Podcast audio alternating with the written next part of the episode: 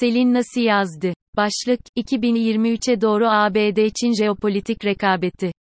Adetten olduğu üzere, 2022 dış politika gelişmelerinin dökümünü yapmaya çalışırken, gözümün önüne sıklıkla Her Şey Her Yerde Aynı Anda filminde Michelle Yeoh'nun paralel evrenlerin girdabında sürüklenişi geliyor. Gerçekten de 2022 uluslararası ilişkiler açısından kritik kırılmalara, dönüm noktalarına tanık olduğumuz ve nükleer savaş tehdidini ensemizde hissettiğimiz bir sene oldu. Şubat ayından bu yana Ukrayna'da devam eden savaş bu gelişmelerin merkezinde yer alıyor. Rusya'nın Ukrayna'nın işgali, Soğuk Savaş'ın bitişinden bu yana devam eden dönemi bir anlamda kapatmış oldu. Çok kutuplu dünya düzenine doğru ilerlerken mevcut yapının çatlaklarını görünür kıldığı gibi, farklı güç hizalanmalarını da beraberinde getirdiğini söyleyebiliriz.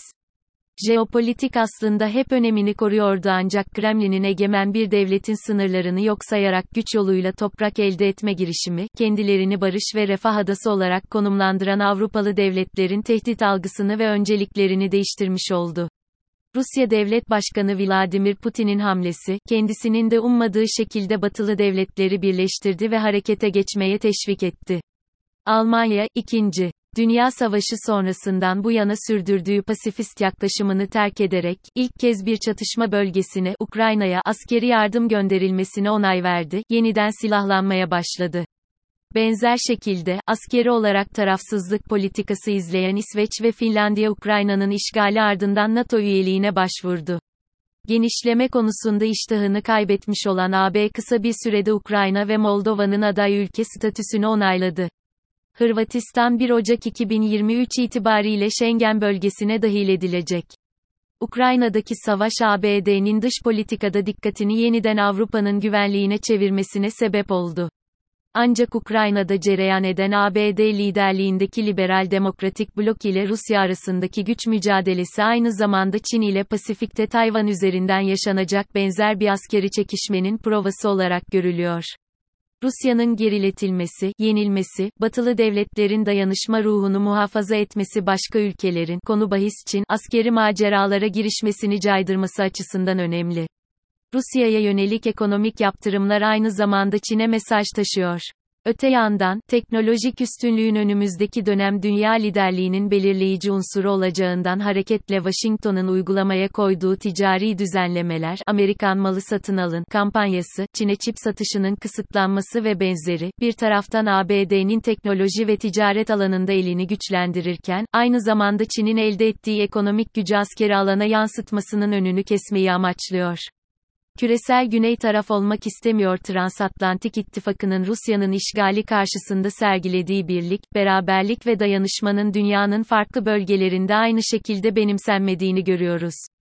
Birleşmiş Milletler Genel Kurulu oylamalarının ortaya koyduğu üzere, özellikle, küresel güney olarak da tabir edilen Asya, Orta Doğu, Afrika ve Latin Amerika'nın gelişmekte olan ülkeler Ukrayna'daki savaşta taraf tutmaktan, Rusya'yı karşılarına almaktan kaçınıyor. Bu tutumun gerisinde, kuşkusuz, Çin'in yükselişi, Rusya'nın meydan okuyucu bir güce dönüşmesi ve buna mukabil ABD'nin küresel ölçekte askeri angajmanını azaltması gibi gelişmelerin uluslararası güç dengelerinde yarattığı değişim yatıyor. Bununla birlikte, başta ABD olmak üzere batılı devletlerin geçmişte izlemiş oldukları politikaların neticesinde ahlaki üstünlüklerini yitirmiş olmalarının da payı yatsınamaz. Dolayısıyla, liberal demokratik düzenden kazanç sağlayamadığını düşünen ülkeler, değişen güç dengelerinden faydalanarak kendi çıkarlarını gözetebilecekleri pazarlıkları değerlendirme eğilimindeler.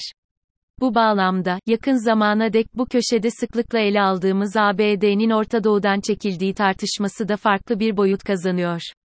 Önümüzdeki dönem Pasifik'te olası çatışma işaretlerini dikkatle izliyor olacağız ama Orta Doğu ve Afrika, ABD-Çin arasındaki jeopolitik güç mücadelesinin başlıca alanlarından olmaya devam edecek.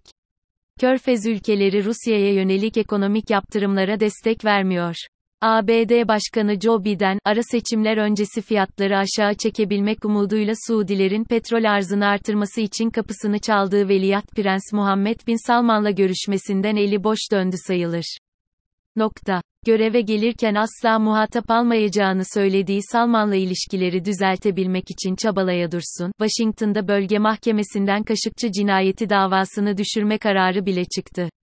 Buna rağmen, ABD'nin bölge ülkeleriyle ilişkilerde demokrasi ve insan hakları gibi kriterleri sorgulayan pozisyonu ve daha da önemlisi müttefiklerinin İran'a yönelik güvenlik endişelerini göz ardı eder yaklaşımı ilişkilerde hasar bırakmış görünüyor.